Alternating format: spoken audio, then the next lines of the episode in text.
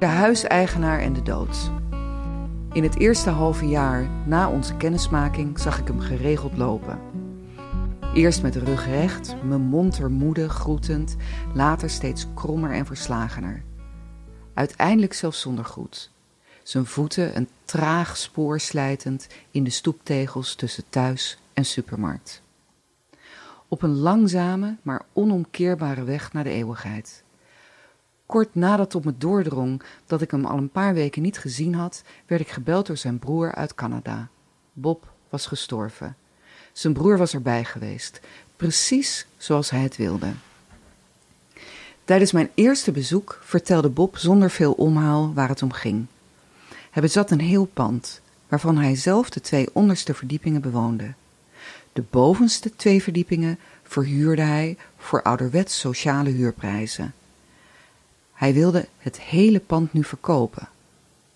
Zelf zou hij dan als huurder achterblijven voor een huur van 700 euro per maand.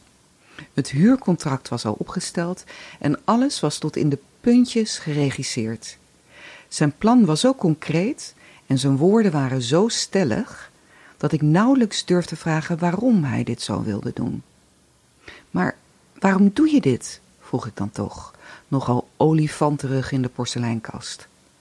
Hij keek me lang aan, alsof hij die tijd nodig had om te beoordelen of ik de vraag stelde uit louter bemoeizucht of om echt beter mee te kunnen denken. Ik heb kanker, zei hij toen. Ik zal geen jaar meer leven en ik wil mijn nalatenschap goed regelen. Wanneer ik nu het huis verkoop, voorkom ik dat mijn broer, mijn enige erfgenaam, straks in de problemen komt als hij successierecht moet betalen over de opgetelde WOZ-waardes van het huis. Ruim een miljoen. Dat kan hij nooit betalen. Zijn intentie was het huis contant te maken. Dan werd een geldsom geërfd in plaats van een huis en zou er dus direct geld beschikbaar zijn voor de belastingaanslag. Ik rekende hem voor dat zijn huis in verhuurde staat, met de door hem genoemde huurprijzen, waarschijnlijk niet veel meer dan zes ton waard zou zijn. Ook al hield de toekomstige koper rekening met de beperkte levensverwachting van een van de huurders en een daardoor al bijna leeg benedenhuis. De zorg om zijn broer, boswachter op een afgelegen Canadees eiland, was ontroerend. Het tekende de man dat hij zijn erfgenaam alle sores rondom zijn eigen overlijden wilde besparen. Hij had zijn abonnement al opgezegd en de voor zijn broer nutteloze huisraad gemarkeerd met stickertjes en aan de kringloopwinkel toegezegd. De broer hoefde alleen nog maar te bellen en de spulletjes zouden worden opgehaald. Het telefoonnummer stond op een lange lijst met de titel Voor als ik dood ben. Gelukkig vond Bob het een goed idee zijn zaak voor te leggen aan een fiscalist.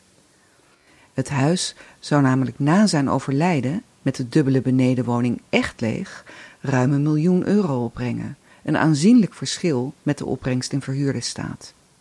De verkoop zou ook zeker geen maanden vergen. En zo geschiedde. Vooraf werd zeker gesteld dat er uitstel van betaling op successierecht verleend zou worden door de Belastingdienst.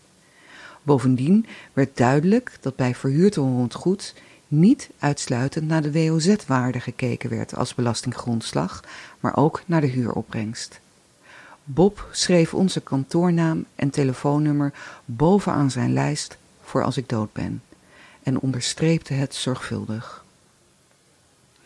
Op een dag, maanden later, werd ik gebeld door zijn broer. Samen liepen we door het huis. Het achterstallige onderhoud was uitgevoerd en de administratie was geordend en voorzien van overzichtelijk gekleurde tapjes. Vooruitlopend op de fotoshoot waren de ramen gelapt en het tuintje geschoffeld. De NVM-vragenlijst was ingevuld en lag samen met alle relevante stukken voor de verkoop in een plastic hoesje klaar op tafel. Toen ik later op kantoor de papieren ordende en in een map opborg, vond ik geplakt op de vragenlijst een briefje. Beste Simone, mijn dank is groot. Het ga je goed. Het is mijn tijd. Bob. Hij had echt aan alles gedacht.